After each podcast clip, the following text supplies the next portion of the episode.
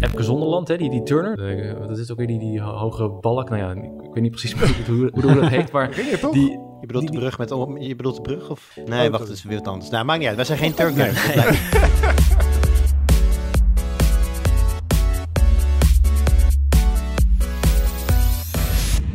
Hallo, leuk dat je luistert en welkom bij de Tweakers Podcast, aflevering 161 alweer. Eh, mijn naam is Arnoud en ik zit vandaag aan de digitale virtuele tafel met Jurian Ubachs, Goedemorgen. Joris Jansen goedemorgen. en Sim Kranenburg. Hallo luisteraars. Ook even zwaaien, wat mooi dat je rekening houdt met de, met de YouTube-kijkers. Eh, en ja, als Sim en Joris in de podcast zitten, dan, dan weten mensen die heel vaak luisteren misschien wel waar het naartoe gaat. Want we hebben nu al jaren streamingdiensten. En we hebben het er vaak over gehad dat het qua beeldkwaliteit ja, tussen lineaire tv en schijfjes in zit. Maar nu is er een streamingdienst die de kwaliteit van UHD Blu-ray schijfjes kan benaderen. Punt is alleen, hij is niet makkelijk verkrijgbaar en je moet er een hele dure nieuwe tv bij kopen. Daarover straks meer. Maar eerst de highlights. Sim, ik begin bij jou. Nou, als ik de kans krijg om eh, over retro dingen te praten, dan doe ik Dan dat ga je het graag. niet laten liggen, ik weet het, ja. Ja. Eh, weten jullie wat de Wonder Swan is? Ik heb geen idee. Nee, nou, ik denk dat meer mensen dat hebben. De Wonder Swan, eh, voor de mensen die, eh, die kijken, ik zal er nu even eentje omhoog houden, is een handheld, handheld console. En dat is een van de vele slachtoffers van Nintendo. Eh, want zoals eh, iedereen weet is Nintendo al sinds begin jaren 80 eh, oppermachtig in de handheldmarkt. En eigenlijk heeft alleen Sony er in de loop der tijd een beetje een deukje in weten te maken in het marktaandeel van Nintendo. Met vooral, vooral de, de PSP en in mindere mate de, de Vita. Nog steeds de beste handheld console ooit. De PSP? Vita. Vita. Ja, ik, dat, ik moet zeggen dat ik ook een groot fan ben van de Vita. Echt een fantastisch apparaat. Zeker de eerste versie met eh, OLED-scherm. Prachtige beeldkwaliteit. Beste beeldkwaliteit op een handheld ever, inderdaad, qua gameconsole. maar goed, de Wonderswan.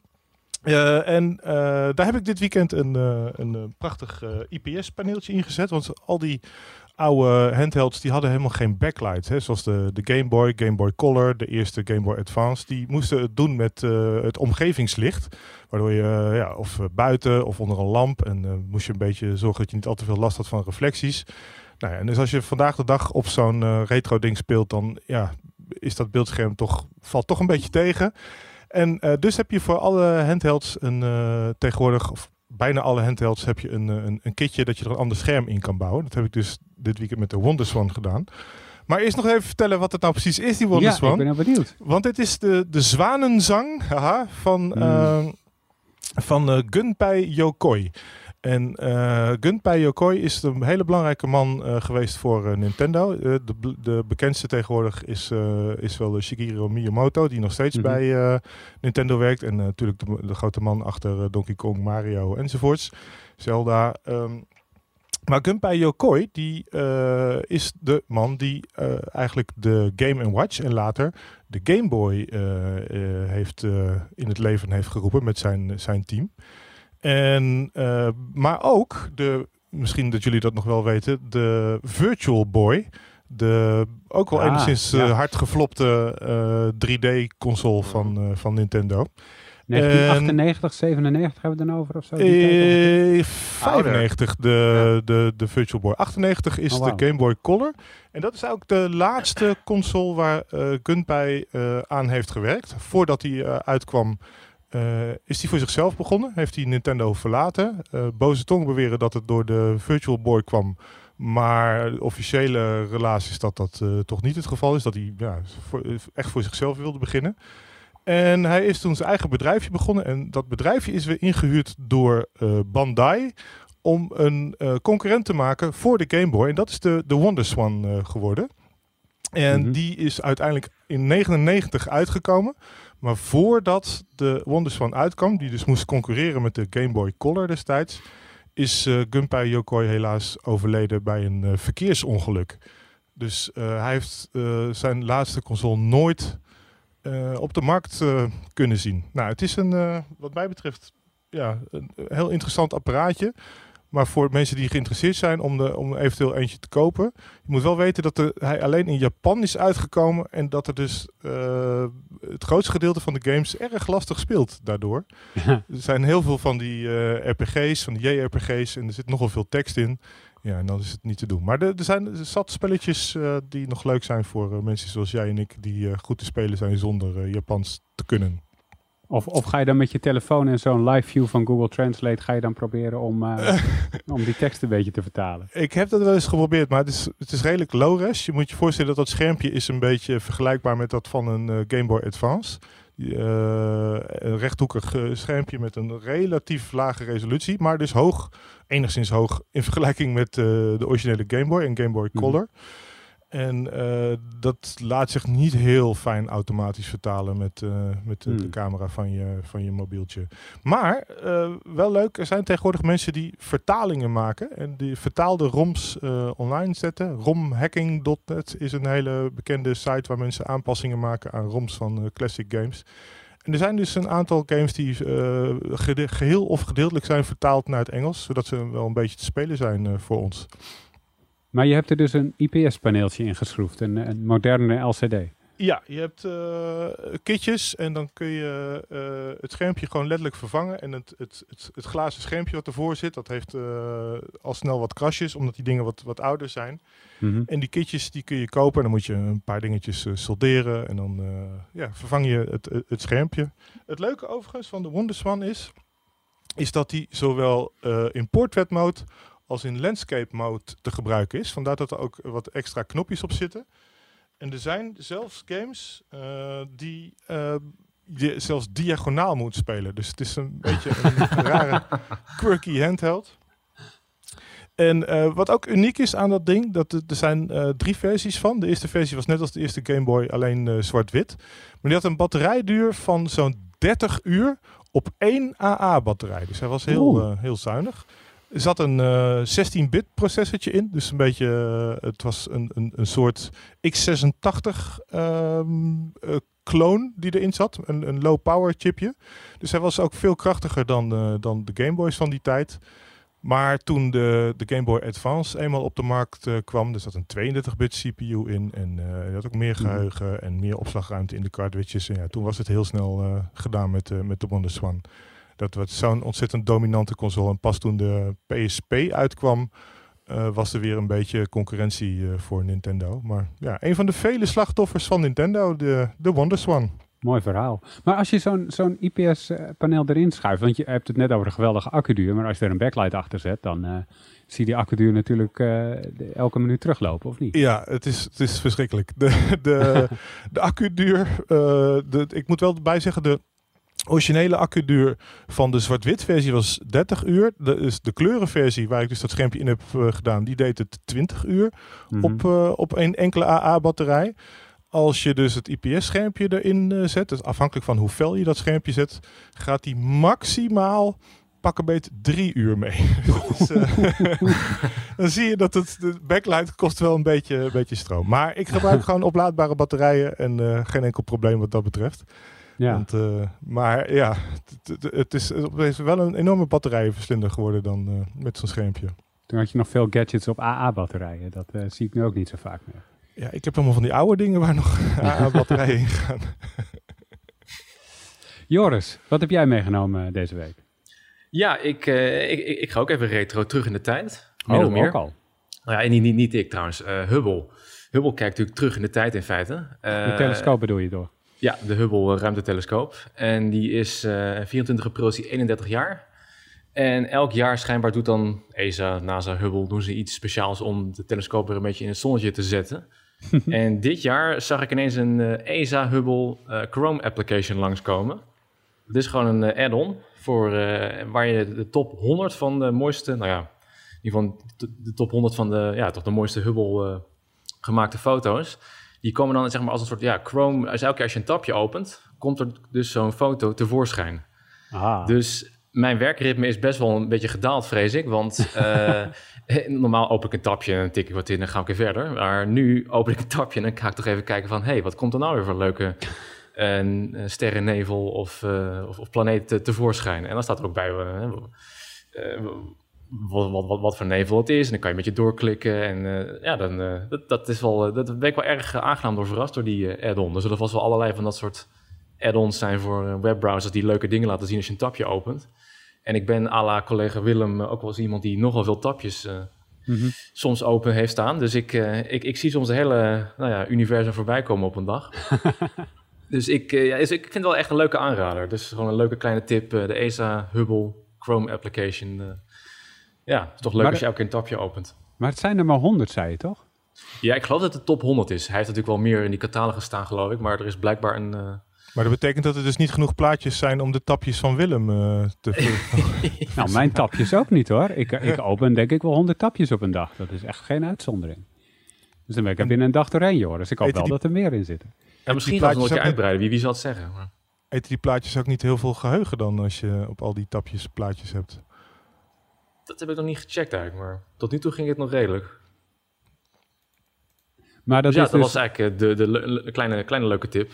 dat is, het- dat is het zeker. Jur, wat heb, jij, wat heb jij staan als je een nieuw tapje opent? Als ik een nieuw tapje open, ehm, mijn snelkoppeling en of ik vragen heb over COVID-19 vaccinatie. Dat is niet heel spannend. Ik heb dus precies dat, maar ik heb wel in Windows 10 eh, dat lockscreen, wat, eh, waar, waar Microsoft dan elke dag een nieuw eh, uitzicht. Het zijn geen ruimteplaatjes. Het is wel echt iets anders. Alleen heb staat ik, ook uitleg bij. heb ik meermaals meegemaakt dat ik dat zag. Ik denk, wow, waar is dit? En het- het- soms staat er dan een credit wel bij, maar als je dan al op het inloggen scherm hebt geklikt, dan en je gaat dan terug, dan is de credit soms weg. Ja. Dus dan zie ik ook niet meer wat het is. Dan moet ik maar hopen dat ik hem de tweede keer nog een keer zie. Dat heb ik echt serieus al een paar keer meegemaakt. Of ik ben gewoon een enorme leek en ik snap niet hoe het scherm werkt. Dat kan ook. Maar, Ja, je moet is, op die hint klikken of zo, die dan in beeld ja, staat. maar die is er niet dan- altijd meer dan. Ik, ik, Nee. ik heb dan gewoon een, een lege foto voor mijn neus met gewoon een inlog eh, dingetje. Dus ja, frustrerend. Ja. En jij, Sim, ben jij iemand van de ruimtefoto's op de nieuwe tapjes? Of, eh, Eh, ja, nee, ik, ik, ik hou niet van al te veel eh, plugins en dingen in mijn, in mijn browser. Maar ik ben wel een groot fan van de, van de Hubble plaatjes. Dus ik eh, ja, ben, daar, ben er wel Ah. fan van. Maar ik ga het niet in mijn browser hangen, nee.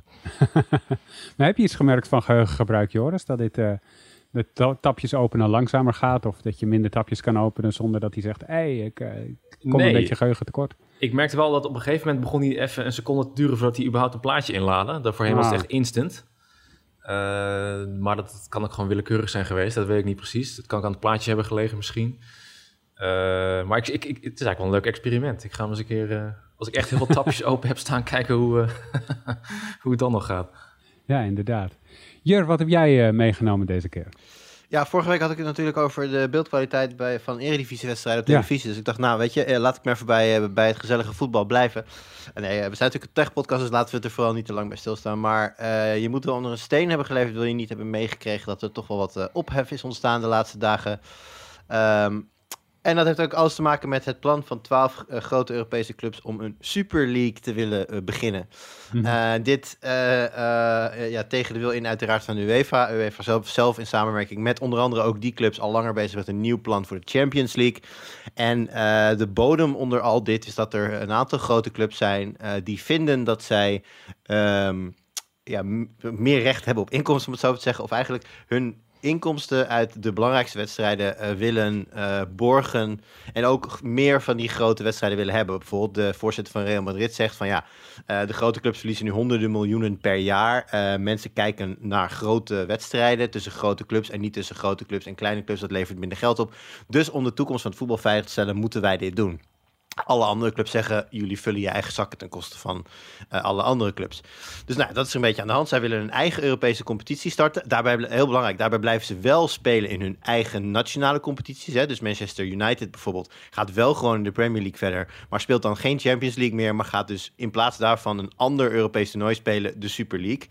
Ehm, wat ook weer problemen met zich meebrengt, want ze verdienen daar waarschijnlijk heel erg veel geld, waardoor er natuurlijk super oneerlijke concurrentie ontstaat in de Premier League. Er zitten allerlei problemen aan vast en de hele voetbalwereld staat nu op zijn kop. De UEFA en de FIFA dreigen met straffen naar die, naar die eh, twaalf eh, founding members van de Super League. Dus eh, ja, het is, een, het, is een, het is een gezellige zoop aan het worden.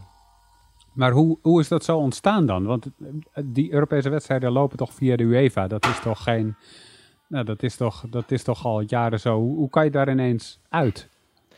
Nou ja, dat is natuurlijk. ehm, een beetje eh tunnelvisie. Want uiteindelijk kun je natuurlijk gewoon voetballen zonder een, een, een, gezaghebbende bond. Je kan natuurlijk met elkaar beslissen, wij gaan onze eigen wedstrijden faciliteren.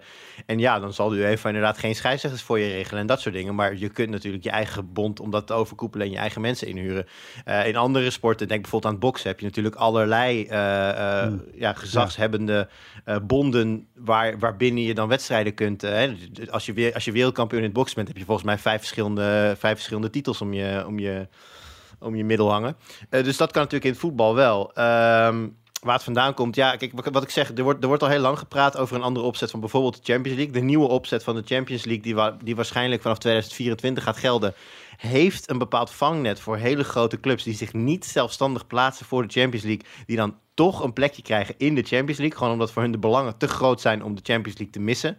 Eh, ja, het is natuurlijk bespottelijk als je het hebt over een, een, een- sport waar, waar uiteindelijk de sportieve gronden om in zo'n toernooi terecht te komen, eh, ehm, gewoon de overhand zouden moeten hebben. Daar moet alles op gebaseerd zijn. Nou, dat valt dus sowieso waarschijnlijk al voor een, deel weg bij de Champions League.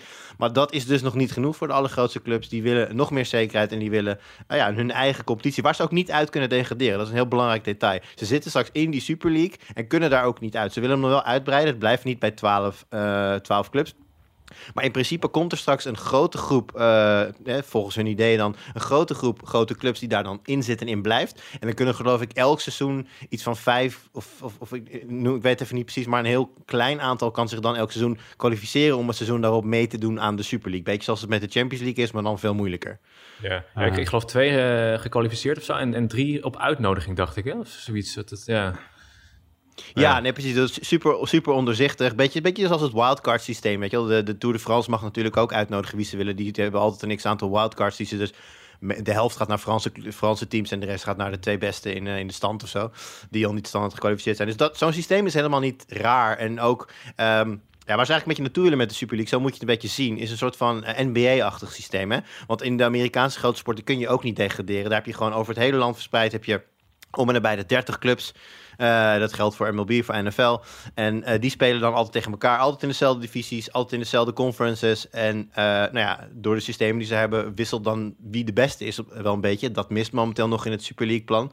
Maar helemaal ondenkbaar dat zoiets ooit gaat ontstaan boven Europa is het natuurlijk niet. En dat levert ook weer discussie met zich, op. Want hier in Nederland zeggen natuurlijk heel veel mensen nu van... ja, maar wat gaat dan bijvoorbeeld een Ajax doen? Ajax is hè, nu momenteel een beetje de enige club die enigszins aansluiting heeft met de Europese top. Maar als je nu zegt van nou nee, wij doen niet mee aan de Super League en die Super League komt er, dan haak je eigenlijk per definitie voor altijd af. Want dan kom je nooit meer bij die grote clubs die ettelijke honderden miljoenen per jaar gaan verdienen in die nieuwe league. Of je zegt als Ajax, nou we doen wel mee, maar ja, dan vermoord je dus de eredivisie. Want dan heeft Ajax straks standaard 200 miljoen te besteden elk jaar. En ja, de rest van de eredivisie zeer waarschijnlijk niet. Dus dat kan eigenlijk ook niet. Dus er, dreigt een hele nare eh, situatie te ontstaan in, in het voetbal, eh, die hopelijk de nek om wordt gedraaid. Eh, ik, dus ik hoop in ieder geval dat de Super League het überhaupt gewoon niet redt. Maar zowel dan, eh, ja, dan worden het rare tijden, denk ik. En dan nog Maar- een andere vraag. Hoe gaan we dit, gaan, hoe gaan we dit bekijken? Hoe komt dit eh, bij ons in de huiskamers? Wordt het een aparte streamingdienst? Gaat het gewoon via, Ja. via de gewone Kijk, televisie? Eh, voetbalrechten zijn natuurlijk een groot goed. Eh, dat is overal zo. Ehm, je hebt jarenlang eh, eh, met, Barcelo met, eh, met Barcelona en Real Madrid het probleem gehad dat er een rechtenhebber was op de primaire division wedstrijden. Die dan niet de Barcelona en Real Madrid wedstrijden, de thuiswedstrijden van Barcelona en Real Madrid dan niet had. En zo versplinterde dat allemaal. Kijk, die clubs willen niks liever dan eh, al het televisiegeld zelf in hun, in hun zak steken. Dan zullen ze dat vast wel bundelen vanuit de Super League. Maar dat daar een verdeel, verdeelsleutel in zit en dat de grootste clubs daar het meest van zullen binnenhalen, dat is, eh, is evident. Kijk, dat is, dat is het ding. Hè. Als je de Champions League speelt, UEFA verkoopt de Champions League eh, licentie. En daar wordt ook wel een verdeling mee gemaakt. Dat- Dit heet niet voor niks het miljoenenbal. Maar als je dat zelf zou mogen gaan verkopen door een nieuw op te richten bond. En ja, zelf bepaalt hoeveel geld er naar elke club gaat. Dan levert dat natuurlijk eh, veel, grotere, eh, eh, ja, veel grotere check op, om het zo even te zeggen. En er werden dus ook al voorrekeningen gemaakt dat al die clubs die de Super League willen gaan spelen. daar zo'n 2 tot 300 miljoen euro per jaar aan zouden kunnen verdienen. Wat ruim meer is dan de Champions League. Ja, aan de ene kant wel. Aan de andere kant, er zitten clubs in uit Engeland, Duitsland, Spanje, Italië, Frankrijk. Duitsland, Duitsland niet, geloof ik. Hè? Want Bayern eh, is er niet bij. Ja, Dortmund, Do- Dortmund zou wel enigszins welwillend zijn. Maar die zitten, zitten nog geen Duitse clubs in ieder geval in die eerste twaalf. Dat sowieso niet. Maar in ieder geval van alle Europese landen een stuk of vier, vijf. En er komen er misschien nog een paar bij, maar zeker ook heel veel landen niet. En een van de dingen van de, van de Europese toernooien nu is dat je als club uit Noorwegen of Denemarken ook tegen die grote clubs komt te staan. En dat trekt aandacht in hun eigen land. Ja. En dus ook kijkers. En dat effect heb je natuurlijk met de Super League niet. Ik weet niet, bedoel, er zullen ongetwijfeld voetbalfans zijn die er wel interesse in hebben. Maar heel veel mensen die vooral kijken voor hun eigen clubs of voor clubs uit hun land, die haken af. Dus Ja, dan is het ook weer minder interessant. En er zijn natuurlijk heel veel mensen die zeggen van nou, eh, de Super Leagues doen maar lekker. Ik blijf lekker Eredivisie kijken. En dat is natuurlijk, de, de Eredivisie die kabbelt heus wel door. Ehm, maar wat je bijvoorbeeld wel bij rekening mee moet hou- eh, houden, dat, nou ja, neem bijvoorbeeld een talent als Eudegaard, die dus nog een jaartje bij Vitesse voetbalt. eh, tussen, tussendoor, onder, onder contract stond bij Real Madrid. Ja, de, het niveau van de Eredivisie zal afnemen, omdat je die aansluiting met Europa op een gegeven moment definitief kwijt bent, als je niet onderdeel uitmaakt van die Super League. Dus als dat, dat, dat dat niemand wil hebben er daadwerkelijk komt, en dan ligt een hele moeilijke keuze eh, voor, eh, nou, ik denk in eerste instantie Ajax, misschien in het verlengde daarvan ook nog wel PSV of AZ, eh, om daar aanspraak op te willen maken. Omdat, ja, als je als, je als ik zeg steeds, ehm, als je nou 40 jaar vooruit gaat in de tijd. En je kijkt naar wat op dat moment het toonaangevende voetbalplatform is. Laten we zeggen dat dat misschien wel de Super League is. Als een soort van NFL, maar dan in Europa. En je kijkt dan naar Ajax en, en iemand zegt op dat moment van... oh ja, Ajax, het ooit eh, grote Ajax... dat in 2021, 22 besloot om niet mee te doen aan de Super League. En nu hebben we en sindsdien is er nooit meer iets van gehoord. Ze hebben nooit meegedaan aan de Super League. En de Eredivisie stelt nog minder voor dan dat het op dit moment doet. Ja, dan kijk je ook terug en denk je... ja, 40 jaar geleden heeft Ajax de verkeerde keuze gemaakt. Dus daarom, is, daarom wil ik zeggen, het is, niet zo, het is niet zo makkelijk als het veroordelen... en zeggen, dit is een slecht plan, dit vermoordt alle clubs. Het vermoordt absoluut het, het Europese voetbal... en alle competities zoals ze nu zijn. Maar als je op een gegeven moment moet kiezen of delen... dan lijkt me dat een hele, hele lastige keuze. Ja. ja, het gaat natuurlijk om veel geld. En geld corrumpeert altijd. En nou ja, Ja, ik denk dat dat, je ook. dat in het voetbal eh, heel veel ziet. Het zijn natuurlijk hele grote bedrijven. En net als in de rest van de financiële wereld. De grote die, eh, die worden groter. En de kleine die, eh, die sterven af of worden overgenomen. Voor zover overnames in voetbal een ding zijn. Ja, en alle UEFA-bobo's zien natuurlijk hun eh, declaraties en al hun lucratieve reisjes natuurlijk Ja, in, ja in dat is natuurlijk wel een- dat is natuurlijk wel een, een leuk, tussen randje. Kijk, de UEFA en ook de FIFA hebben natuurlijk eh, veel en vaak onder een vergroot, vergrootglas gelegen als het gaat om corruptie. Hè, UEFA-maffia en dat soort dingen. Eh, dus er zit hier wel een klein randje aan van, nou, dat zij een keer het vuur aan de schenen gelegd krijgen, is op zich niet erg. Enige waar ik bang voor ben, is dat dit eindigt met een volgende knieval vanuit de UEFA naar juist die allergrote clubs met nog meer garanties, een nog Ja. oneerlijke verdeelsleutel. En dan is er dus een compromis, dan komt er geen Super League, maar dan is straks de nieuwe, de nieuwe setup van de Champions League, misschien nog niet in 2024, maar misschien wel weer bij de volgende eh, herverdeling, is dat nog oneerlijker. Dus dat is een beetje, ik weet niet of de situatie er beter van wordt, maar dat inderdaad al die bobo's eh, wat minder prettig op hun luxe stoelen zitten, dat, eh, dat is Dat is duidelijk, ja. Waar ik het nog eh, over wilde hebben is eh, een verhaal wat dit weekend naar buiten kwam via onze collega's van de Volkskrant. En dat gaat over KPN. Ehm, eh, en die, de, de Volkskrant-collega's die hadden een intern rapport van Capgemini in handen gekregen. Die hadden onderzoek gedaan bij KPN naar de rol van Huawei. En daaruit, bleken, bleken, daaruit kwamen echt wel schokkende conclusies naar voren. Namelijk dat Huawei-medewerkers eh, toegang zouden hebben gehad tot het hele netwerk van KPN. Ze deden het beheer rond 2009, 2010. En dat ze toen zelfs vanuit China eh, konden meeluisteren met gesprekken van alle KPN-klanten. en daaronder waren dus ook politici, waaronder ons, eh, ons eh, toenmalige kabinet en onze premier. Dat was ook de kop erboven volgens mij. Huawei kon met iedereen meeluisteren, eh, zelfs onze premier. Eh, dat was destijds Balkenende trouwens, niet Rutte. En ehm, ik vond het wel opvallend, zeker ook omdat de betrokken partijen het toch enigszins ontkennen of eromheen dansen. Ehm, eh, maar zo'n rapport, dat, dat, dat ligt daar dan en dat, dat wijst al wel heel duidelijk aan dat hier iets gaande was. Eh, de vraag was er bovendien nog van, heeft Huawei nog steeds het beheer over het KPN-netwerk of is dat inmiddels veranderd? Nou, ze zeiden nee. Volgens kwam de Volkskrant weer naar buiten van, ja, we hebben wel gehoord dat dat nog steeds wel zo is op 4G. Met 5G zou dat veranderen, want dat, eh, dat, dat moet in de toekomst. De regering heeft eh, niet al te lang geleden besloten dat, eh, dat partijen vanuit landen die we niet vertrouwen, niet het beheer mogen hebben over mobiele en vaste netwerken, want dat zou een veiligheidsrisico zijn. Dus daarbij is Huawei dus uitgesloten in de toekomst, maar dat zou nu nog wel zo zijn. En ik vond het toch wel een, eh, een verontrustend verhaal, zeker ook omdat het, het, het is pas tien jaar geleden dat het gebeurde en ik vond het gewoon raar om, om te merken dat dat, dat kennelijk onder onze neus nog, eh, nog gewoon gebeurde. Hoe keek jij daarnaar, Joris? Ja, precies hetzelfde. Ik vond ook, eh, denk van, oh ja, daar gaan we weer. Maar ik vind het sowieso wel weer uh, altijd wel een beetje opvallend. Ja, het is misschien ergens ook wel weer logisch, hè, maar dat, dat, dat ook zo'n toch zo'n groot Nederlands telecombedrijf als KPN toch heel afhankelijk is van buitenlandse partijen. En dat was voor mij ook al een tijdje terug eh, in het nieuws, nou, al jaren geleden misschien alweer, maar met die telefoontaps, hè, dat ze, ik meen daarvoor afhankelijk waren deels van een Israëlisch bedrijf, meen ik. Mhm. En dan denk je ook van, ja, maar waarom kan KPN het gewoon niet zelf of zo? Waarom heb je daar weer een, toch weer een buitenlandse partij voor nodig om, om je bij zo'n dienst, of bij, ja, om, om je daarbij te faciliteren? Dat, dat, en dat is natuurlijk bij Huawei eigenlijk ook weer zo'n, zo'n, zo'n, van waarom, zijn, ja, oké, waarom ze nodig zijn is misschien wel duidelijk, maar Ja. het gaat dus eigenlijk veel verder dan je misschien wel zou willen. Zeker op zo'n, toch een belangrijke provider eh, als KPN. Dus ja, dat is wel weer eh, vrij ernstig eigenlijk, ja. Tenminste, als je af moet gaan op wat er allemaal naar buiten is gekomen nu, ja. Ja, Maar het is is het- natuurlijk... Ja? Is het niet zo dat die, die, eh, die regels rondom 5G juist zijn ontstaan, eh, ontstaan vanuit, van, vanuit dit soort situaties? En dat dit eigenlijk alleen maar een beetje nu naar buiten komt, maar dat dat dus achter de schermen al lang, eh, al lang duidelijk was?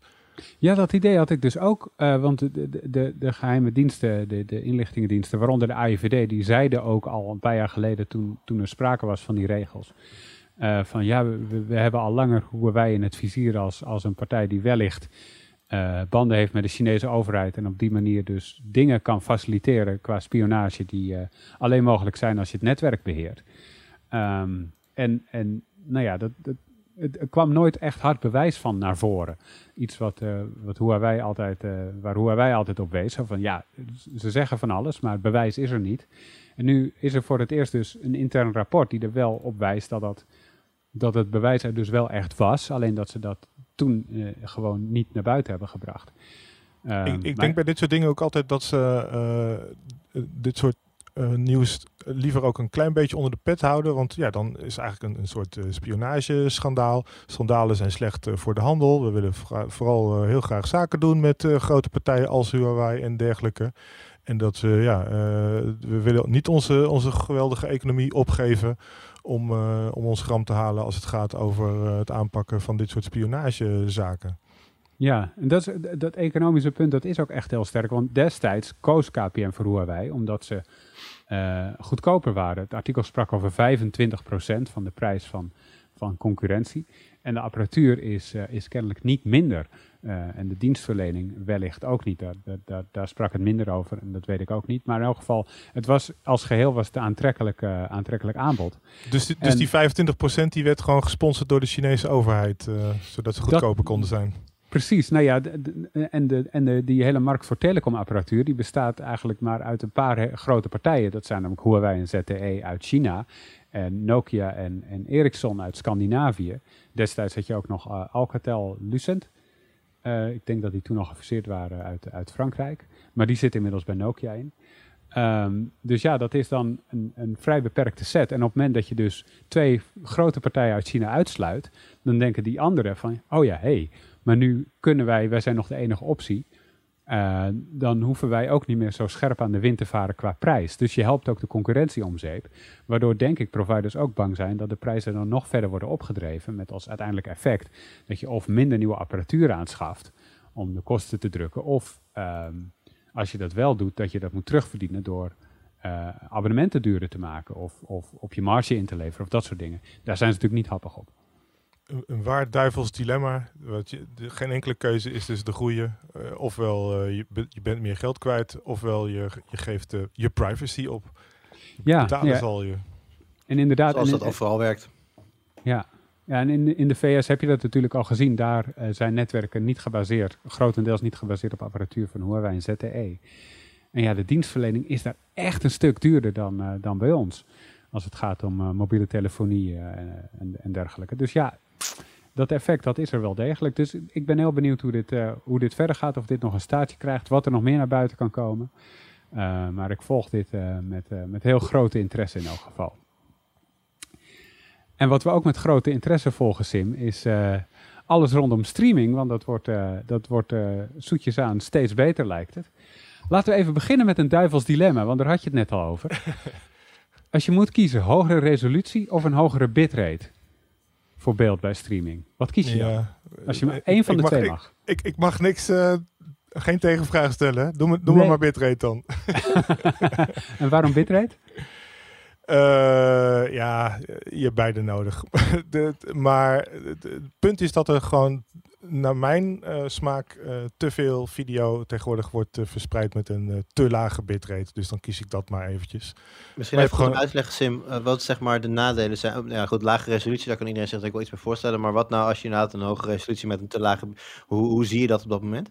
Ja, het is de, de, de bekende compressie-artefacten, blokkerig beeld, uh, color banding, dus dat je echt uh, dat het, de kleurtjes niet vloeiend verlopen, maar dat je dat echt stapsgewijs uh, ziet gaan. Ah, ja. De resolutie is één ding, dat is gewoon het, het, aantal pixeltjes, dat is makkelijk te begrijpen, maar de bitrate is minstens zo belangrijk voor een mooi en scherp beeld ook, want de scherpte is ook direct een gevolg van de, de hoogte van de bitrate. En als jij moet kiezen, Joris, hogere resolutie of hogere bitrate? Uh, nou, ja. Um, ja. Het is eigenlijk wel leuk als ik dan zeg uh, resolutie natuurlijk voor de discussie. als je dat echt vindt, dan moet je dat zeggen. Als je het niet nou ja, moet je niet zeggen natuurlijk. Wetende hoe toch vrij aardig Netflix het doet met een, uh, om een goed beeld in de, te verzorgen met een niet enorm hoge bitrate. neig ik naar resolutie. Mag ik daar nou nog een opmerking bij plaatsen? Want het een en ander hangt ook heel erg af van hoe groot je scherm is en hoe ver je van je scherm af zit zowel eh, wat betreft de bitrate en de resolutie wil je dat verschil goed kunnen zien. Ja, als je gewoon een eh, wat kleinere televisie hebt en je zit wat verder weg, dan heb je gewoon minder resolutie en een minder hoge bitrate nodig. Zo, zo simpel is dat. Ja. Even, even trouwens voor het overzicht van, uh, van, uh, van hoe het nou ook weer zat. Hoe, hoe, hoe zit het met resolutie bitrate van, van wat we nu kijken? Dus als je kijkt naar lineaire tv, Netflix, Disney+, Plus, uh, schijfjes. Op uh, lineaire televisie hebben we nog altijd de SD-kanalen, het ouderwetse uh, PAL, maar dan digitaal. Mm daarvan is de bitrate vrij laag. bij Ziggo iets van tussen de 3,5 en 5,5. Ze verdelen dat overigens dynamisch. Ze hebben variabele bitrates, zodat zenders waar tijdelijk even wat meer beweging in beeld is, die kunnen dan een wat hogere bitrate krijgen. Ten koste van andere zenders waar hopelijk het beeld dan wat, wat statischer is. 3,5, 5,5. Ja, maar daar moet je gelijk bij zeggen dat de uh, SD-kanalen, die maken nog gebruik van hele oude wetse codecs, MPEG uh, 2, dus die zijn ook uh, minder oh, efficiënt. Voor de HD-kanalen eh, maakt men gebruik van AVC of H264. Mhm. En bij een partij als Ziggo varieert dat ook weer heel sterk. Ergens tussen de pak een beet 4 en 13. En misschien wel uitscheters naar boven, misschien zelfs wel 15. Maar ook die codec is dus niet de meest uh, uh, recente, want voor uh, Netflix, Amazon Prime en dergelijke, alle 4K dingen, de, de, de schijfjes, wordt gebruik gemaakt van HEVC of H265. En die is weer, nou, pak een beetje twee keer zo efficiënt. En dat betekent dat je met dezelfde bitrate, ja, ofwel een hogere resolutie kan, kan gebruiken, dan wel een beter beeld krijgt. En mhm. daardoor zijn uh, Amazon en uh, Netflix en andere streamingdiensten in staat om met een bitrate van pak een beet, uh, pak een beet 15 megabit, dus eigenlijk best wel vergelijkbaar met die HD bitrate dus, hè, 4K te, te, streamen. Dus en, dus ja. Ja, de, want de, HD-TV is 1080i. Ja. Als ik het wel heb. Dus dan heb je het bij 4K niet over 4 keer zoveel pixels, maar nog een factor meer? Uh, ja, strikt genomen wel, maar dat, is, uh, dat laat zich niet zo vertalen in, in bits die je nodig hebt. Want door de, doordat die, uh, die, die lijntjes heel erg op elkaar lijken, valt dat wel mee. De, hmm. Als je van, van, van I naar P gaat, wat dat aan, aan extra bits kost. En dat geldt overigens ook voor opschalen naar hogere resoluties. gemiddeld genomen uh, ja, die, die, die codecs die, die zijn slimmer en die pakken steeds grotere gedeeltes van het beeld om uh, ja, te, te, te, moet ik het heel simpel uitleggen. Je kan, je kan stukken kopiëren als het ware. Mm -hmm. blokken, macro-blokken. En dat kan steeds slimmer worden ingedeeld bij betere codecs. En dus gaat de efficiëntie daardoor omhoog. Neemt niet weg dat voor 4K die, die, die 15 Mbit wel echt een beetje aan de, aan de lage kant is. Uh, als we bijvoorbeeld kijken naar uh, Blu-ray schijfjes, de ouderwetse HD schijfjes, waar dus mm -hmm. 1080p op staat, die zijn pak een beet 40 mbit, die orde van grootte. Dus is al flink meer dan wat de streamingdiensten gebruiken voor, voor 4K. En UHD uh, Blu-ray schijfjes? Ja, die, uh, die gaan tot aan. Dat verschilt ook per schijfje, want ze kunnen uh, twee, drie lagen zijn. Ze, ze, kunnen afhankelijk van hoe lang de film is, kunnen ze ook nog verschillende modi kiezen. En het varieert ook nog een keertje. Maar dat gaat tot aan pak een beet 128 mbit. Dus dat is echt ja, flink meer dan wat de, de streamingdiensten gebruiken. Ja. En levert dus ook wel beter beeld op. Ja. Hey Jur, jij bent uh, niet zo'n, niet zo'n, uh, je, je, kijkt niet zo vaak naar uh, films en series op de manier zoals Sim en Joris dat doen met een, scherp oog voor, voor bitrate en scherpte. Zie jij verschillen als je de streamingdiensten bekijkt? zie jij dan van, oh, dit gaat even niet zo goed? Of um, zie je dat erg? Ja, je ziet af en toe de, de, de, de, nou kijk, ik woon ook in een huis met een niet super fantastisch internet, internetverbinding. Dus nou ja, dat wil ook nog wel eens voor wat problemen zorgen. En dan zie ik af en toe wel uh, streamingdiensten die het daar even moeilijk mee hebben en eventjes een stapje terug doen. Uh, of zelfs echt de downright blokkerig worden. Um, ik, heb, ik weet niet of er één streamingdienst is waar ik dat dan... Dus dat niet zodanig op gelet dat ik zeg van... Ah, Prime doet het altijd en Netflix doet het nooit of zo. Dat in die zin uh, merk ik daar niet zoveel verschil tussen. Nee. En verpest het je kijkervaring als, het, als die overschakelt op een lagere... Ja, natuurlijk. Nou goed, het ligt aan hoe erg het wordt. Maar, uh, in, zeg maar als, hij, als hij terugspreekt naar zijn meest basic instelling, dan is het voor mij wel een reden om even op pauze te drukken. Want ja, hè, als je op een gegeven moment de acteur amper meer herkent door de blokkerigheid, dan, uh, dat, dan hoef je niet verder te kijken, in mijn optiek. En Sim Joris, is het, nou ik begin even bij Joris, is het voor jullie echt een verpesting van de kijkervaring? Verpesting, is dat een woord? Verpest het je kijkervaring als die, als die bitrate omlaag gaat? Denk je dan, nou dan zet ik hem wel op pauze en dan kijk ik een andere keer weer verder? Of is het zo erg niet? Ja, wel. Want ik denk dan meteen aan pakweg een jaar geleden. En toen begon het volgens mij ongeveer in april uh, ja. vorig jaar. Toen Netflix en andere streamingdiensten dachten van... hé, hey, uh, coronacrisis, uh, kom, we gaan lekker de bitrate structureel ja. omlaag, omlaag brengen. Ja, dat was toen bij, bij 4K streams was het nog wel soort van oké-ish. Maar met name bij die HD, dus wat, wat lage resolutie titels was het echt bij Vlagen niet om aan te zien. En dan had, had ik echt zoiets van, nou, die, die ga ik al niet meer kijken. Want dat was gewoon zo'n verpesting van hoe, hoe ja, normaal redelijk mooi het kon zijn. Dat, dat, dat, dat was gewoon echt niet meer te kijken, vond ik. Dus dat was misschien wel een beetje een extreem voorbeeld dan. Want toen in het begin was het echt wel flink teruggeschroefd. Maar dat geeft wel aan dat, ja, ik, ik ben daar wel gevoelig voor, ja. Dat, uh, en Amazon heeft dat, Amazon Prime heeft dat nog veel langer volgehouden. Die hebben bepaalde titels dan wel en, en weer niet die bitrate uh, nog steeds laten terugschroeven. Dus het is dat, dat ja, dat uh, heb ik al eens mot mee gehad met hun klantenservice. Nou ja, die zijn wel heel aardig trouwens, maar die, uh, die, moest, die moest op een gegeven moment ook toegeven dat sommige titels dat, dat dus nog steeds gebeurt. Of dat was een, tot een maand of twee geleden geloof ik nog. Wauw. Ja. Dus ja, ik, ik, ik ben daar wel gevoelig voor, ja. En jij, Sim? Ja, wel toch? Je bent er heel gevoelig voor, lijkt Ja, ik, sterker nog, uh, heel veel van die streams, als je die start, dan begint het op een uh, uh, lagere bitrate. En als dan ja. blijkt tijdens het streamen dat jouw verbinding snel genoeg is, dan loopt die op. Dat, vind ik, dat alleen al vind ik rete storend. Ik zou eigenlijk een optie willen hebben. Nou, begin maar wat te cachen voordat ik ga kijken. Ja. Laat me maar weten wanneer ik op start kan drukken. Want ik wil gewoon dat het beeld gewoon strak is. En dat ik niet hoef te wachten tot het, tot het beeld goed is. Ik vind dat, ik vind dat uit te storend. En het haalt me ook echt ja, uit, de, uit de, de beleving. Als ik een, een film kijk, dan wil ik niet uh, worden gestoord door, door technische dingen. Dus blokjes in beeld, stottering, haperingen, geluid, weet ik veel. Het moet gewoon perfect zijn. Anders uh, denk ik van, oh jee, moet ik iets, fietsen, iets fixen? Moet ik iets, iets doen? Moet ik iets veranderen aan instellingen of zo? En daar wil je niet over nadenken. Je wil gewoon lekker ontspannen naar de film of, of serie kijken. Dus ja, het slechte, slechte bitrate is uh, iets wat mij heel erg uit uh, de beleving haalt. Ja. Nou, exact wat je zegt, Sim. Want in, het begin dat hij dus een heel laag uh, begint, zeg maar, qua resolutie, dat, of qua bitrate, dat is, dat, dat, ik kan me herinneren dat, ik, dat, ik weet niet meer of, of het een van de WK of iets was, maar dat ehm, Epke Zonderland, hè, die, die Turner, die had toen geloof ik zo'n zo een of andere geweldige, die had goud gewonnen of iets dergelijks. En dat, ik, ik zat toen toevallig op die NPO-app en toen kwam dat geloof ik daar vol in, beeld. Ik, nou oké, ik, ik had hem nog niet gezien, dus ik klik er even op. En dat was zo'n twee minuten stream, hè, puur van die, die, die act van hem op de...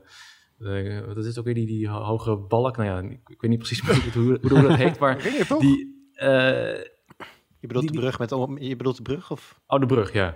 Nee, oh, wacht, dat is weer wat anders. Nou, maakt niet uit. Wij zijn geen turnkenners, dat lijkt. nee. nee. Volgens mij deed hij ringen, die Upke, maar goed. Nee, geen ringen. Nee, nee, nee. Oh, ringen? Nee, dat is. Jury. Dat is Jury Ja. Oh, dat is Mulder. Oké, oké, ik zeg niks meer. Maar in ieder geval, die, die, die, die, die stream duurde dus gewoon puur zijn act. Dat duurde twee minuten. En die hele twee minuten zat ik te wachten, wanneer gaan die blokkers weg? Want ik zag letterlijk gewoon niet zijn... Ik zag gewoon niet, niet de details. Ik zag gewoon eigenlijk niet wat hij deed. En toen Ja. was, toen was het twee minuten voorbij en ja, toen was het weer klaar.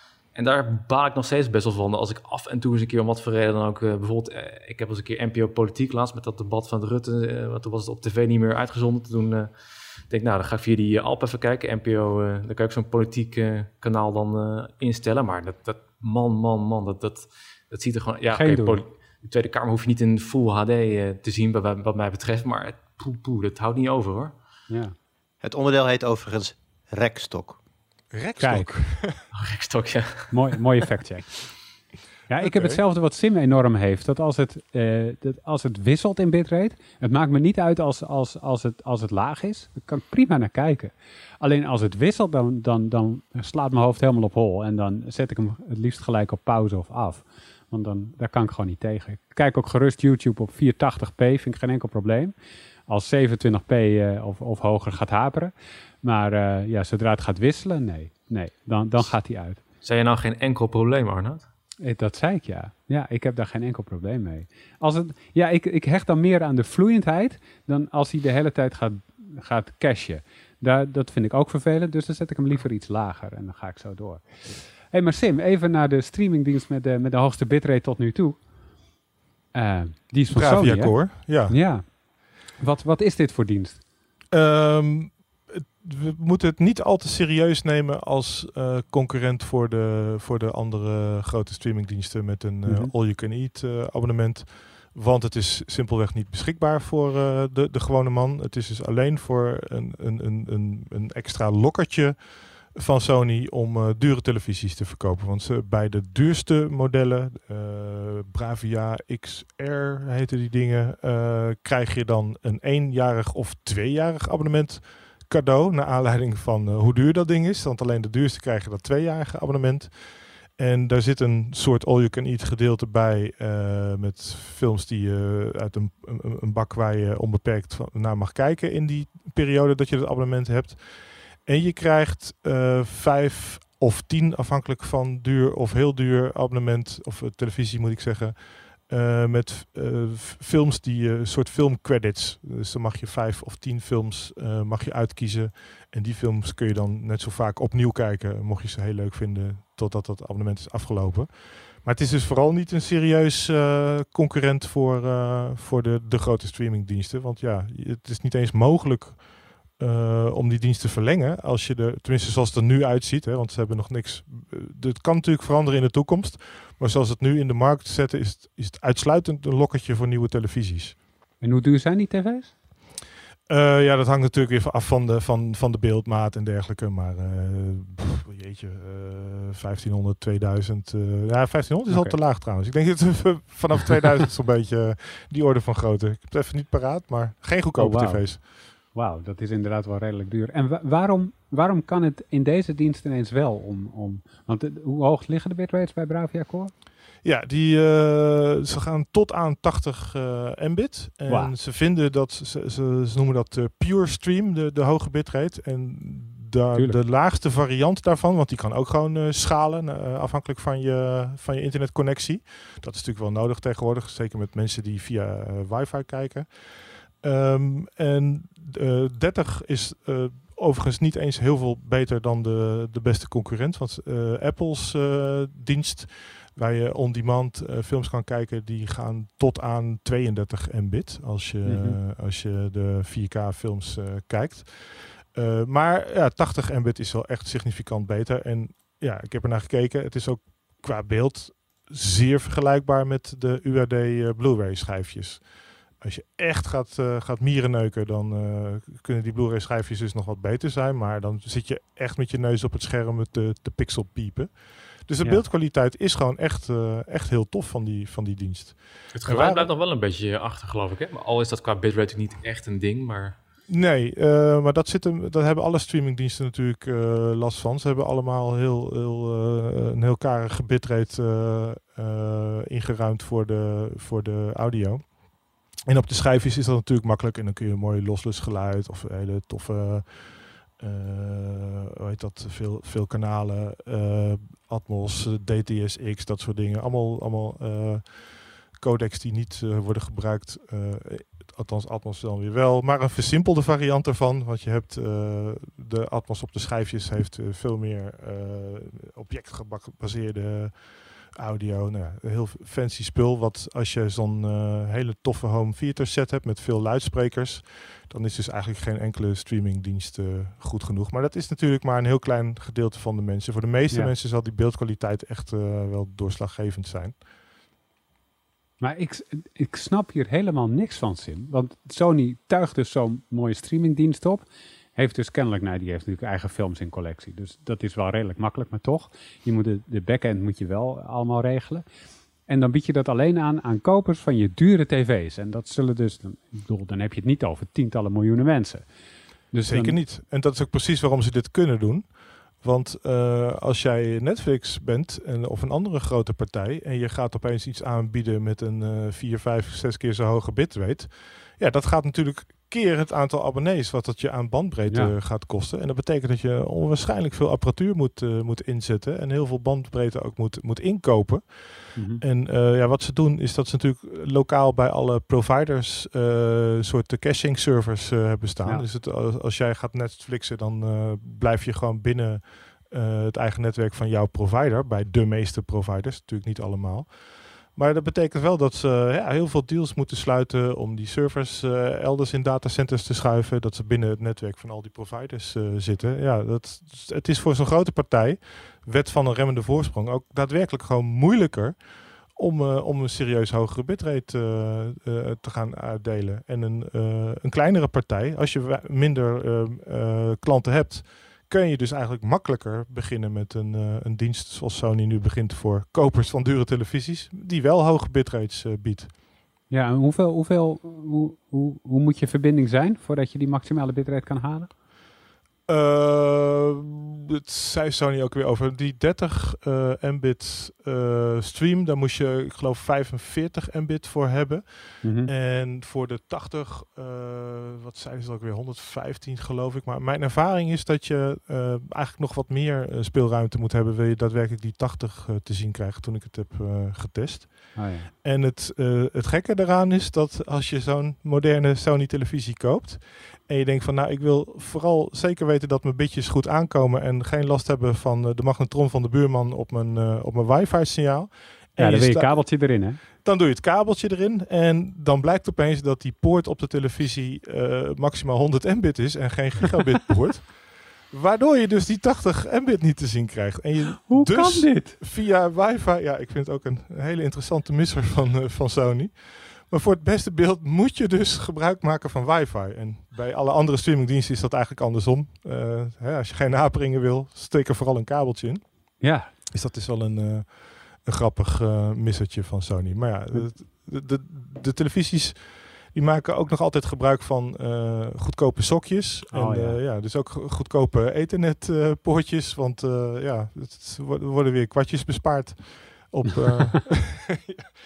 Ja, ja als een tv 2000 euro kost, dan, dan is die paar kwartjes. Dat maakt inderdaad wel veel uit natuurlijk. Nou, dat, dat, dat moet je wel bijzeggen. Dat het, ze willen natuurlijk die chipsets over zoveel mogelijk toestellen uh, verdelen. Op het moment Tuurlijk. dat jij een chipset moet maken uh, uitsluitend voor je, voor je duurste modellen, dan kost dat uh, wel onnodig extra veel geld. Er valt veel geld te besparen met, met schaalvoordeel. Dus ze willen die chips uh, in niet al te veel. Hè. Stel dat zij tien modellen hebben, dan willen ze pakken bij drie verschillende chipsets uh, daarvoor gebruiken als je een grote tv-fabrikant bent.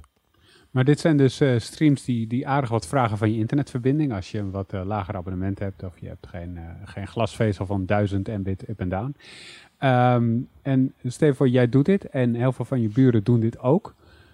kan dat met de huidige netwerken? Is dat geen probleem? Of wordt het dan s'avonds toch een beetje druk? Nou, wij uh, in, in, in, Nederland hoeven we daar niet al te veel zorgen over te maken, afhankelijk van je provider overigens. Want als jij een, uh, een, een VDSL-lijntje of ADSL-lijntje hebt, dan is dat uh, eigenlijk al, al snel niet, niet, niet, niet goed genoeg. Maar als je bijvoorbeeld kabel-internet hebt, dan ja, zijn de verbindingen echt ruimschoots snel genoeg. En ja, net weer van Ziggo weer de, de, de jaarlijkse snelheidsverhoging aangekondigd gekregen. Dus ja, die, die bitrate die kan nog wel wat verder omhoog met, met, met onze verbindingen. Wij hebben in Ja. Nederland gewoon prima internetverbindingen in vergelijking met, eh, nou, zeg eens wat, de Verenigde Staten of zo. Daar ligt het gemiddelde echt heel veel lager. Ja. Nou Joris, is dit, iets, eh, is dit iets, iets waar je naar uitkijkt? Dat je denkt van, oh, eindelijk een streamingdienst met hogere bitrate, dat wil ik? Eh, dat op zich wel. Alleen ja, goed, voor deze ben je natuurlijk eh, aangewezen op een Sony TV. Dus dat is wel een nogal beperkende factor. Ja. Natuurlijk leuk, leuk als je toevallig zo'n tv, maar het lijkt me niet dat dat nou door deze streamingdienst je een Sony TV gaat kopen. Dat eh, kan me niet voorstellen. Maar ik vraag me wel af van, ja, wat, wat let een net, we hebben het net over gehad, van eh, stel Netflix gaat alles bij wijze van spreken verdubbelen, ja, dan moeten ze bandbreedte inkopen, meer apparatuur, dus het is allemaal duur, duur, duur. Dus ja, is voor hun niet echt heel aantrekkelijk. Maar ja, aan de andere kant, wat let hen om, dat hebben we nou, eerder ook al eens in de podcast, van waarom doet Netflix niet gewoon nog een nieuw super abonnement voor hè, 25 euro, 30, misschien gewoon nog, best wel duur, maar toch. En biedt dan voor eh, 30 mbit iets aan of zo. Ik, ik, ik zeg maar iets, dat, dat, dat zouden ze wel eens kunnen gaan proberen. Dat, eh laten we hopen dat Bravia Core daar misschien een, een kleine, nou ja, eer- eerste steen in de vijver eh, is eh vormt. En dat, dat, dat anderen misschien ook zoiets gaan proberen. Ik weet niet, maar dat zou wel leuk Ja, zijn. dat, is precies, dat is precies wat dit moet doen. Dit moet laten zien dat, je, dat, dat, dat het een, eh, eh, een valide use case is. Dat er mensen zijn dat het werkt. Dat er mensen zijn die het tof vinden. Dat mensen ook echt zoals wij er nu over hebben. Van goh, kijk, dit is toch wel mooier of beter dan wat Netflix te bieden heeft. En dat eh, de grote aanbieders daarna en daardoor een, een, een stapje omhoog gaan zetten. Eventueel inderdaad tegen een meerprijs. Maar je hebt nu in ieder geval, zij het voor een beperkt aantal mensen, een beperkte doelgroep. Maar je hebt in ieder geval iets dat laat zien hoe het beter kan. En nou ja, dan moet je gaan afwachten of inderdaad de, de grote partijen dat gaan adopteren. Ja, laat, laten we het hopen vooral. Want eh, Ja. het is eigenlijk wel een beetje armoede nu qua, qua bitrate eh, van de grote streamingdiensten. En eh, in die zin eh, kan je best wel eens gelijk hebben hier dat Sony heeft gedacht van nou ja, dit is, het gaat niet om die streamingdienst. Het gaat misschien een beetje om het kietelen van die grote partijen. Dat, eh, hè, wij, wij verkopen hele mooie televisies die de Ja. prachtige beelden kunnen weergeven. Maar ja, de, de beperkende factor is dan die lage bitrate van eh, de streamingdiensten waar mensen naar kijken. Dus ja, in die zin hoop ik inderdaad dat het die invloed eh, gaat hebben. Ja, maar wat let hen, Sim? Is daar, een, is, daar een, een- een- is daar iets voor aan te wijzen waardoor ze dit nog niet hebben gedaan? Want dit, bij audiostreaming is dit al wel eerder gedaan. Ik, dat ik, je een ik- duurder abonnement kan, kan kopen. Met ja, maar ook daarvan eh, weten we dat het succes niet in de schaduw kan staan van, van bijvoorbeeld Spotify.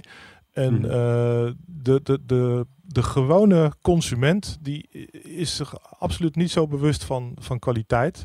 En elke keer als, eh, als eh, we hebben het bijvoorbeeld eerder gezien met HD-televisie bij de televisieboeren. Toen HD-tv nog een beetje nieuw was, had, had je sommige providers, televisieproviders, televisieboeren, die eh, extra vroegen voor eh, extra abonnementsgelden vroegen voor de HD-kanalen. En het was helemaal niet populair. Er waren een aantal mensen die hadden een mooie televisie gekocht en die wilden daar extra voor betalen. Maar de gewone consument is, is helemaal niet eh, van plan om extra te gaan betalen voor, voor beeldkwaliteit. En ehm, ja, de, het, het, kleine aantal consumenten wat dat wel is, want dat is er natuurlijk wel. En wereldwijd is die groep natuurlijk ook nog heel erg groot. Want heel veel eh, enthousiastelingen met, eh, met mooie grote televisies, projectoren misschien zelfs, of een mooie kelder met, met grote speakers. Maar eh, ja, voor zo'n grote partij als Netflix, ik denk dat zij het rekensommetje gewoon gemaakt hebben. En dat ze hebben gedacht van dit kost ons zoveel, dit levert ons zoveel op.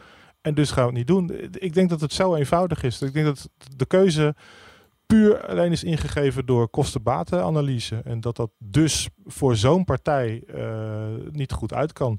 En wat ik zeg, een, een kleinere partij die zich puur eh, richt op, op kwaliteit, die zal een compleet andere rekensom kunnen maken. En omdat ze minder, minder grote aantallen streams hebben. En misschien dat dat op een goed moment eh, uit kan. Maar ja, daar zal ik wat tijd overheen gaan. Kijk, het wordt vanzelf goedkoper, hè, die verbindingen naar de, Ja. naar de huizen toe. En eh, als ik kijk naar eh, wat ik.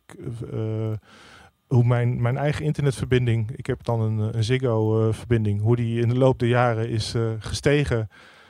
Dat abonnement wordt iedere keer ietsje duurder en dan wordt hij weer wat, wat sneller. Maar in de loop der tijd is er al heel veel snelheid bijgekomen, zonder dat het heel veel duurder is geworden. Het is wel duurder geworden, maar hè, dus het, het is een kwestie van tijd voordat dit wel goed uit kan. Maar wanneer en of dat, of dat binnenkort is, dat durf ik nog niet zo in te schatten. Maar ik denk Nou, niet dat een partij als, als Netflix daar- daarmee zal gaan komen. Ze zouden het prima kunnen, maar... Maar misschien ja, een kleinere die, eh, concurrent of zo. Sorry? Misschien een kleinere concurrent of zo, dat die dat ja, wel dat, dat, dat, dat, dat denk ik. Dat, het, dat, het mogen, dat hier dus een, eh, hier ligt gewoon een, eh, een gat in de markt wat opgevuld moet worden. En dat er een kleinere partij eh, daarin zou kunnen eh, springen. Het probleem daarbij is, en dat had je het al eerder even over. Sony heeft natuurlijk eh, een eigen eh, filmstudio. Ze hebben Sony Pictures, die hebben ooit Columbia opgekocht. Dus je hebt een hele grote catalogus met, met films die ze op hun eigen platform kunnen gaan streamen. Kleinere partijen die hebben dat natuurlijk niet. Dus die zullen, Nee. als ze al films en series willen inkopen bij andere partijen, A, eh, de hoofdprijs eh, moeten betalen. En, en B, vaak die rechten sowieso niet kunnen kopen, omdat die partijen alweer deeltjes hebben met een andere streamingdienst. Of, of misschien zelf eh, content maken, zoals partijen als Netflix en Amazon doen om hun eigen diensten te pushen. En het is één groot strategisch gevecht natuurlijk. ja. Want ja, hoeveel streamingdiensten hebben we inmiddels? En ja, de consument die wil natuurlijk één streamingdienst waar hij alles kan kijken. Maar dat gaat natuurlijk niet gebeuren. Beetje vergelijkbaar met eh, eh, al die eh eh, voetballeagues die eh, met elkaar gaan concurreren. Ja. De consument wil natuurlijk gewoon dat er één club is en de commercie wil wat anders. En dat, ja, dat zien we hier met eh, de streamingdiensten ook. ja. Wou je nog wat zeggen, Joris? Ja, nou, bij, Netflix zie je dus dat ze eigenlijk ook best wel heel goed zijn in eh, ervoor zorgen dat de beeldkwaliteit best wel heel goed is bij heel lage bitrates. Want ze gebruiken ook een, best wel ingewikkelde cocktail van allerlei verschillende encoding eh, standaarden, hè, om die compressie zo efficiënt mogelijk te krijgen. En dan, eh, dat is voor hun natuurlijk best wel interessant, want dan betekent het ook dat je gewoon een mobiele gebruiker met een, een paar Mbit eh, in India bijvoorbeeld of zo, dat je die ook nog best wel een goede, nou ja, Ja. acceptabele kwaliteit kan bieden. En dat is voor hun waarschijnlijk nu nog best wel een stukje interessanter en gewoon commercieel aantrekkelijker dan nou ja, de, aan de bovenkant, die, die wat, toch wat kleinere groep te, te bedienen. Dat, ja, eigenlijk jammer, maar misschien wel begrijpelijk. Ja, ze hebben natuurlijk prikkels beide kanten op. Beeldkwaliteit moet acceptabel zijn voor veel mensen aan de ene kant. Aan de andere kant, elk, elke kilobit die eraf kan, dat is natuurlijk pure winst voor ze. Dus ja, op die manier eh, zal dat wel eh, werken inderdaad. Nou, dan, kan ik, eh, dan sluit ik hierbij dit onderwerp af. En dan wil ik nog even vooruitkijken naar wat de komende week op de site gaat gebeuren. We hebben een paar interessante verhalen die eraan komen. Ehm, er gaat een verhaal komen over CPU-scaling. Hoeveel, hoeveel, hoeveel processor moet je hebben om goed te kunnen gamen hier? Dat is dan eh, de vraag bij, eh, bij eh, de game-PC's die mensen willen bouwen. Nu extra lastig, nu niet alle processors goed verkrijgbaar zijn. We hebben een verhaal over scattered secrets en ehm, nou ja, die, die databases met gelekte wachtwoorden waar je dan zelf kan opzoeken of je, of je in een datalek zit. Wordt ook een interessant verhaal. En eh, van mijn hand komt er nog een verhaal aan over het gat dat Huawei heeft laten vallen in de smartphone-markt. Want eh, het handelsverbod van de Amerikaanse overheid voor Huawei, dat is er nu bijna twee jaar. En eh, in die tijd zijn er een paar andere Chinese fabrikanten die geprobeerd hebben om elementen van de strategie van Huawei te kopiëren. En daarmee veel succes hebben geboekt en een deel van het marktaandeel hebben overgenomen. Dus daar duik ik komende week ook in. Ik wil jullie hartelijk danken voor deze week. En eh, als je wil reageren op deze podcast, kan dat onder de punt geek of via de mail podcast.tweakers.net. Tot volgende week. Doei!